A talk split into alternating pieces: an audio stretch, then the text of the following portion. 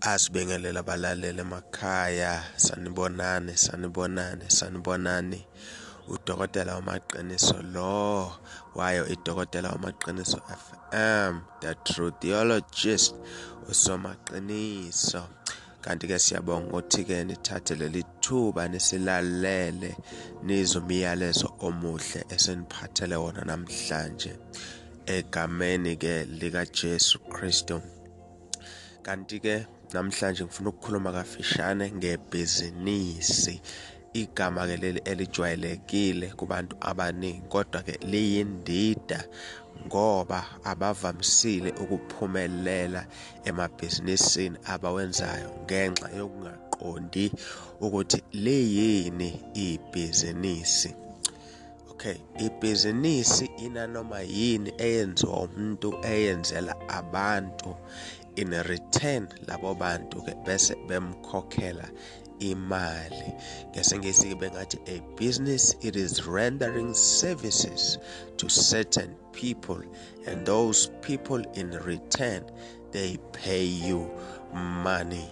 Okay? So abantu abaningi ke bake benze iphutha bafocuse kakhulu ekwenzeni imali ebhizinisini. Kanti cha into ebalulekile ebhizinisini ukuqinisa your services.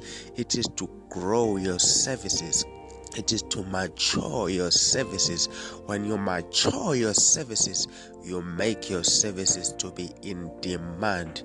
When you make your services to be in demand that is when you can make money.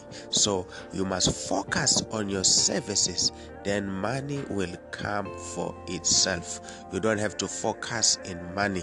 Ungagxili emalini kepha gxila kuma services wakho. Gxila eqiniseni imikhiqizo yakho gxila eqiniseni lokho okwenzela abantu ukwenzisise ukwenze kube kuhle. Abantu bakhulume ngawo bathi abantu uma ufisa ukwenza ukuthi xhumana nosibanibani he is the best. Ngaleyo ndlela uba kwi-demand and wenza imali eningi. Yebo ke bakithi isifundo sethu sanamhlanje leso about ibhizinisi. Um kanti ke kubalekile ukuthi ube nalo ibhizinisi uzisebenze ngoba uma usebhizinisini you can make money according to how you increase your services. Akufani noma usebenza kwamlungu kwamlungu udependele kwisalary oyiholelwa umlungu wakho kanti ebhizinisini uziholela wena ngangepace yokusebenza kwakho. Angithathe leli thuba ke ngibonge ukuthi ulalela umyalezo wethu uzofika ekugcineni. Kanti lo khulumayo yena udokotela wamaqiniso the true theologist usomaqiniso. Kanti ke bulalele yona idokotela wamaqiniso FM egameni ke lika Jesu thank you. Okay.